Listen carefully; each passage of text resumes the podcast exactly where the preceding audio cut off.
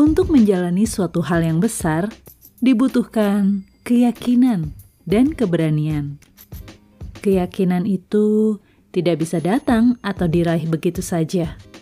Ada sesuatu yang terjadi di dalam diri seseorang yang memantapkan hati dan kakinya untuk melangkah. Tak semua orang mendapatkan konfirmasi itu. Itu sebabnya tak semua orang memperoleh keyakinan dan keberanian untuk melakukan sesuatu. Jika ada sesuatu yang ditaruh dalam hati dan pikiran kita saat ini, bisa jadi kitalah yang diberi mandat untuk melakukan hal itu. Jangan ragu, yakin, dan beranilah mengerjakannya. Mulai dari langkah pertama.